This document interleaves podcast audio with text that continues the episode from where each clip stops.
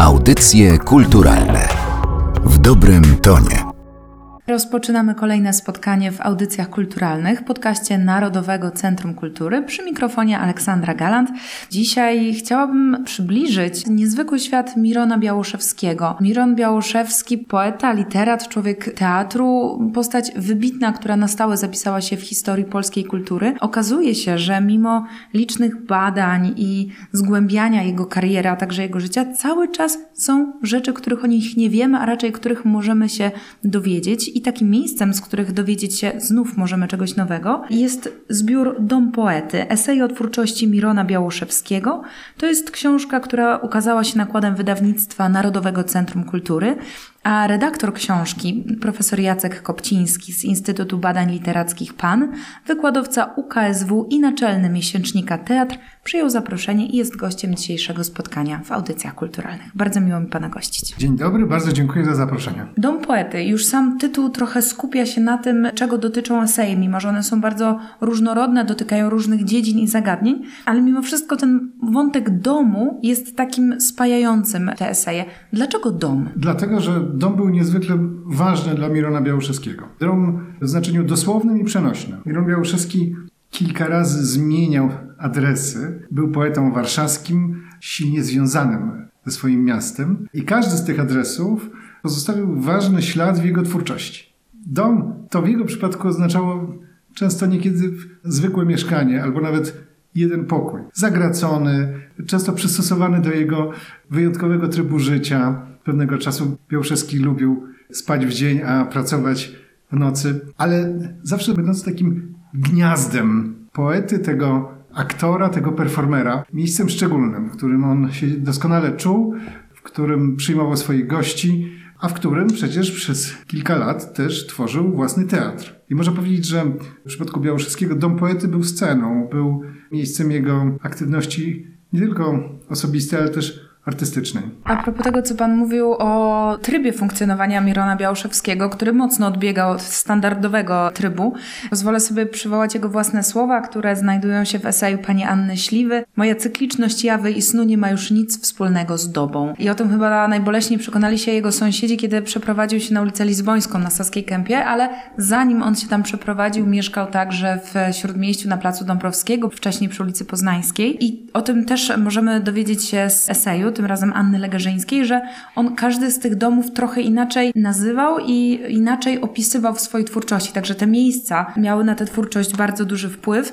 Używa takich określeń jak czasodom, Miron Czarnia, okryte niechlubną sławą Hamowo. Czasodom to jego pierwsze zagnieżdżenie się w powojennej Warszawie w mieszkaniu przy ulicy Poznańskiej, które było typowym powojennym kołchozem, to znaczy mieszkaniem podzielonym na części i pełnionym dużą ilością współlokatorów. Białorzewski mieszkał przez drewniane przepierzenie, drewnianą ściankę z innymi lokatorami. Łatwo sobie wyobrazić, jak niekomfortowa była to sytuacja, bez szansy na prywatność.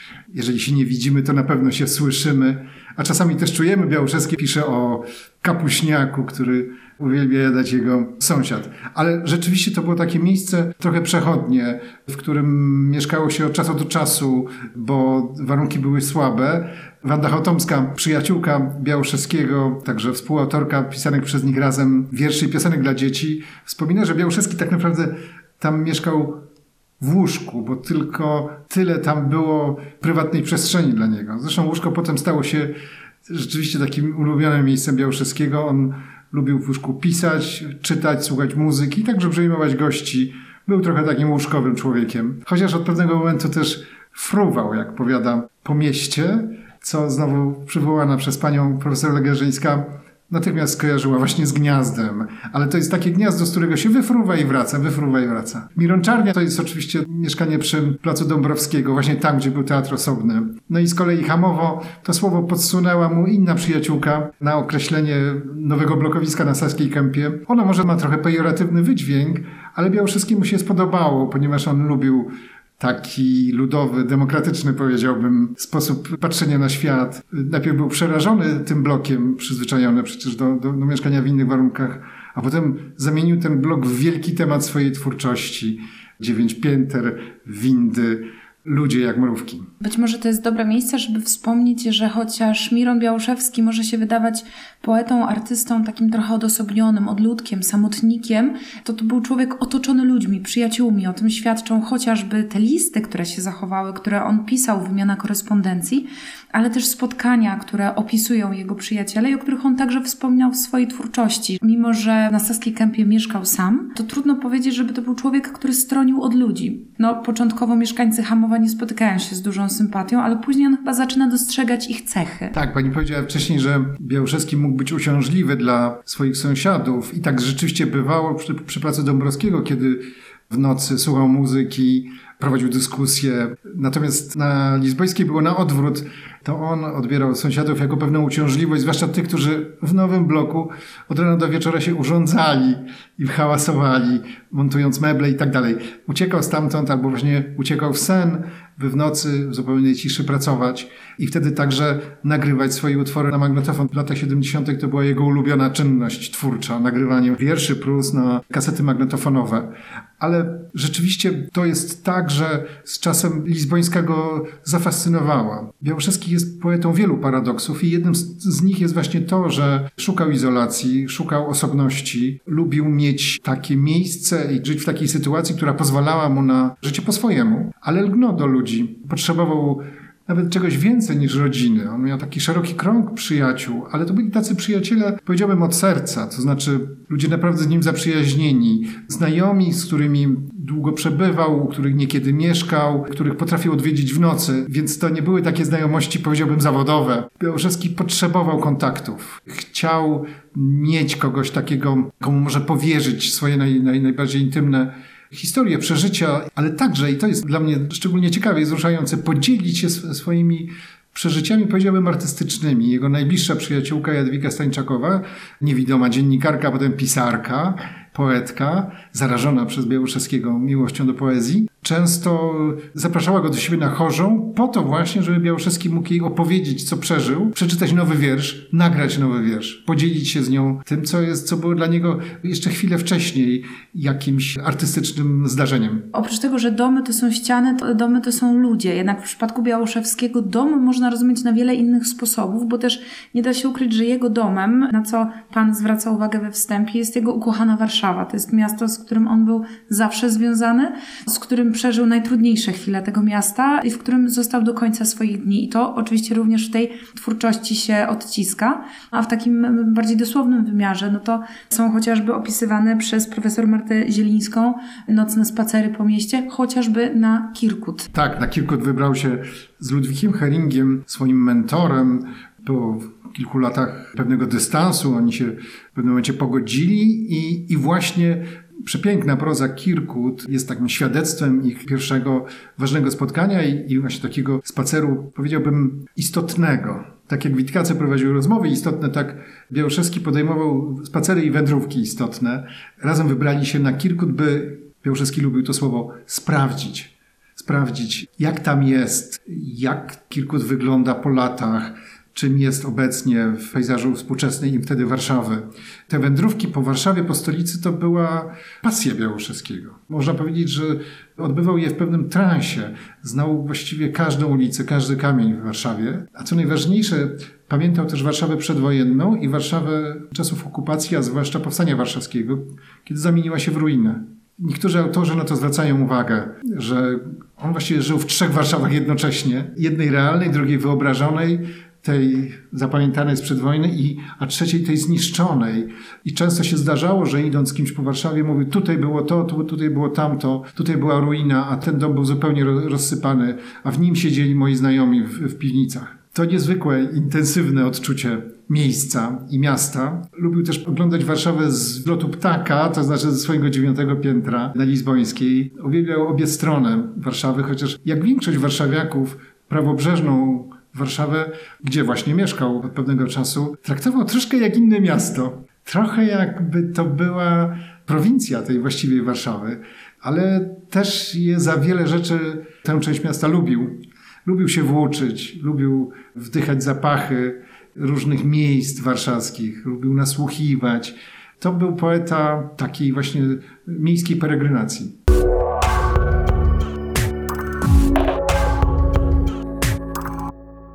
Poeta miasta, taki duch miasta, można by powiedzieć, tak jak pan profesor wspomniał, który znał każdy kamień, każdą ulicę, a co więcej, on znał tę ulicę sprzed i po powstaniu. Natomiast trudno powiedzieć, że on był takim człowiekiem związanym z miastem, który z tego miasta się nie ruszał, bo on przecież podróżował i o tym też możemy przeczytać w książce.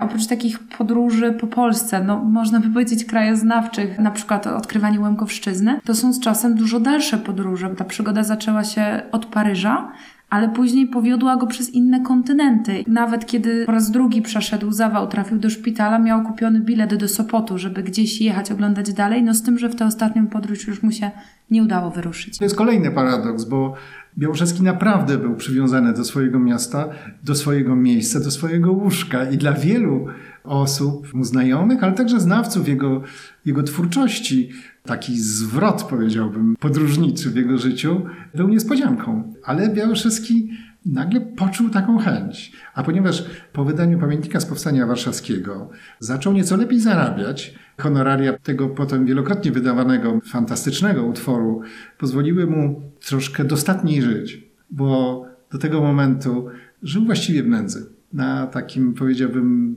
minimum socjalnym. To okazało się, że może sobie pozwolić na, na wyjazd. Te wyjazdy czasem były na zaproszenie, na jakieś festiwale poetyckie, ale raczej dwa Białoszewski zdecydował się po prostu na wycieczkę, wycieczkę z Orbisem. To była wycieczka do Egiptu. Potem wyleciał do Stanów Zjednoczonych. Na zaproszenie, ale też to przecież też kosztowało, on odkrył inny świat. Paryż, o którym pani wspomniała, rzeczywiście był taką jego pierwszą ważną zagranicą i wiązał się z obecnością tam Józefa Czapskiego, z którym się zapoznał przez Ludwiga Heringa i którego malarstwo uwielbiał. Z kolei Czapski odwzajemnił mu się takim przepięknym portretem, narysowanym wprawdzie długopisem, ale pięknie oddającym, myślę, że charakter tego człowieka. Więc Paryż, ale właśnie także Nowy Jork, no i właśnie Egipt. Białoszewski, co ciekawe, był otwarty na nowość, na zmianę. Od pewnego momentu po prostu bardzo był ciekawy świata ale też pozostał sobą w tym sensie, że jakby pozostał w domu. Charakterystyczną rzeczą w jego twórczości jest to, że nawet najbardziej egzotyczne pejzaże często kojarzą mu się z tym, co znał z Warszawy. I niemal odruchowo porównuje jedno z drugim. Można powiedzieć, że to jakoś zamyka jego i nas na, na, nowe doświadczenia, ale z drugiej strony pokazuje, jak pracuje ludzka wyobraźnia. Ostatni dom, o którym pomyślałam w kontekście naszej rozmowy, chociaż oczywiście muszę zaznaczyć i z przyjemnością to zrobię, że w książce esej o twórczości Mirona Białoszewskiego tych domów rozpatrywanych na różnych płaszczyznach jest o wiele więcej. Natomiast wydaje mi się, że Miron Białoszewski jest przez nas w większości kojarzony jako mistrz słowa, jako mistrz zabawy słowem. Słowem nie potrafem to on był bardzo rzadko, jeżeli w ogóle mu się zdarzało. I również we wstępie, do którego już się odwoływałam, pan zaznaczył, że domem Białoszewskiego był także właśnie język i tradycja literacka. I o to chciałam zapytać, o dom, który właściwie on tymi słowami i sposobem, w jaki ich używał, sam sobie dom stworzył. Ma pani rację. Można powiedzieć, że dla każdego poety język jest domem, ale Białoszewski w języku był zadomowiony na zupełnie własnych warunkach. To jest troszkę tak, jakby ten dom sam sobie zbudował i sam sobie go umeblował z, z sprzętami, które sam skonstruował. Ponieważ rzeczywiście Białoszewski tym ważnym wymiarze swojej twórczości był poetą awangardowym, o którym Janusz Słowiński mówił, że właściwie wymyśla własny język. W czym trochę przypominał awangardę przedwojenną, do której się odwoływał, ale od której się też różnił. Niemniej eksperyment językowy, wyciskanie z języka wszystkich soków, zwłaszcza praca na języku w takim słowotwórczym znaczeniu, to była jego pasja i był jego ogromny talent. Tak stworzył swój własny idiom. Ale co ciekawe, ten eksperyment językowy na polszczyźnie dokonywany, on jakby nie przebiegał w oderwaniu od tradycji literackiej. I w ogóle myślę o tradycji kulturowej. Najważniejszym odniesieniem dla Białoszewskiego nie byli twórcy awangardowi, tylko twórcy romantyczni. Białoszewski przez całe życie powtarzał, że najważniejszym utworem dla niego jest czwarta część dziadów Adama Mickiewicza. I znają na pamięć, rzeczywiście znał ją na pamięć i grał ją w swoim teatrze. Spektaklu pod tytułem Gustaw przekształcił czwartą część dziadów, dziadów w rodzaj monodramu. Kwestie pozostałych postaci, a wiem, że mamy tam i księdza, i dzieci, albo podrzucała mu w teatrze jego partnerująca mu wspaniała aktorka Ludmila Murawska, niedawno zmarła, i malarka, Albo po prostu, jak już sam nagrywał potem te dziady, mówił wszystkie kwestie e, własnym głosem. Ale ten romantyzm to było coś więcej. On uwielbiał poezję romantyczną za jej piękno, za jej kunszt, no, za jej głębię metafizyczną, ale także za jej uczuciowość. Kolejny paradoks Białoszewskiego polega na tym, że ten awangardowy poeta, a awangardę zwykle kojarzymy z no, takim racjonalnym eksperymentem na słowach, był niezwykle uczuciowy. Szukał języka dla wyrażenia uczuć uniwersalnych. Mówił o tym w komentarzach do swoich, swojej twórczości. Na przykład w komentarzu do Osmendeuszy mówił o tym, że szuka po prostu języka dla miłości. Ale też szukał języka dla takich uczuć, które on nazywał nowymi. Można powiedzieć, że on też pracował nad sobą. To znaczy, myślę, że na tym polega zresztą tajemnica twórczości poetyckiej. To nie jest po prostu pisanie na temat tylko jednak to jest przede wszystkim obserwowanie siebie, swoich reakcji wewnętrznych na świat zewnętrzny, ale też na świat myśli, na świat wyobraźni i notowanie, szukanie języka dla tych wewnętrznych reakcji. On odkrywał w sobie uczucia, dla których nie umiał znaleźć języka i dlatego potrzebował y, zaskakujących metafor, takich właśnie awangardowych. Odczuwał w sobie coś, coś nieznanego, Myślę, że gdybym teraz myślał o, o, nie wiem, o nowej książce na temat Białoszewskiego, własnej czy takiej zbiorowej, to być może poszedłbym w tym kierunku i szukał odpowiedzi na pytanie, jakie uczucia on chciał nazywać. Co to są za uczucia? Coś nam podpowiada, że, że te uczucia mogą być związane z jego właśnie niebanalnym trybem życia, orientacją seksualną, może także z pewnym takim wewnętrznym anarchistą, jakiego miał w sobie, a może też abnegatem, którym bywał. Ale to jest coś więcej. Natomiast oprócz romantyzmu, on był po prostu zafascynowany Biblią. Wątki poświęcone jego postrzeganiu liturgii i tego, jak traktował msze święte, na które zwłaszcza w dzieciństwie bardzo regularnie chodził, te wątki również w książce są rozwinięte i to nie w jednym eseju, to są bodaj dwa, a nawet trzy. Mamy eseje poświęcone, no powiedzmy to tak, religijności Mirona Białoszewskiego, ale religijności specyficznej. W dzieciństwie był bardzo religijny, także w młodości był człowiekiem głęboko wierzącym i jego pierwsze wiersze, zachowane, ale też niezachowane, ale znane z jakichś świadectw, były wierszami religijnymi. Najprawdopodobniej wojna i to, co przeżył w czasie wojny, odebrała mu wiarę. Ale nie odebrała mu wyobraźni religijnej, wrażliwości religijnej i też takiej czułości na piękną liturgii. I o tym będzie mówił wielokrotnie, ale też zostawi tej wrażliwości i tej czułości wiele śladów w swojej twórczości. W dramatach, w prozie, w wierszach. Mnóstwo jest tam motywów związanych z liturgią, z symboliką mszalną, z symboliką religijną czy biblijną. Także z mitami biblijnymi. Na przykład takim podstawowym mitem, który napędzał Białoszewskiego, to był mit o stworzeniu świata. On po prostu potrafił wyjrzeć przez okno i powiedzieć mgła opadła, wszystko rusza. W takim znaczeniu, że mgła opadła, świat powstał. Potrafił też podglądać, nie wiem, sprzątaczki w biurze przez okno naprzeciwko i mówić, że to są, że one są takimi stworzycielkami świata. Znaczy one przychodzą pierwsze do pracy i przygotowują świat na to, żeby wszystko ruszyło o 8 rano. I rzeczywiście to cały czas pracuje w jego twórczości.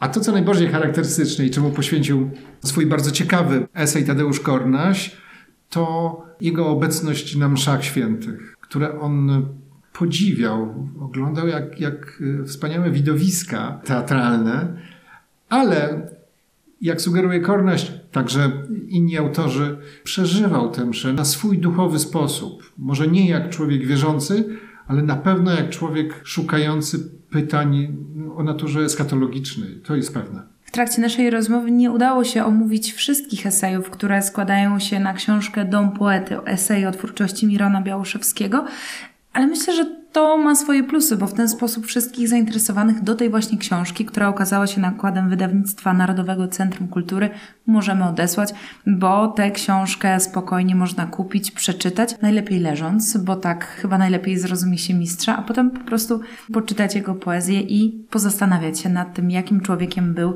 Miron Białoszewski. A o książce zgodził się opowiedzieć jej redaktor, profesor Jacek Kopciński z Instytutu Badań Literackich Polskiej Akademii Nauk, wykładowca UKSW, a także redaktor naczelny miesięcznika Teatr. Bardzo dziękuję za rozmowę. Ja także bardzo dziękuję i zachęcam do lektury. Audycje kulturalne w dobrym tonie.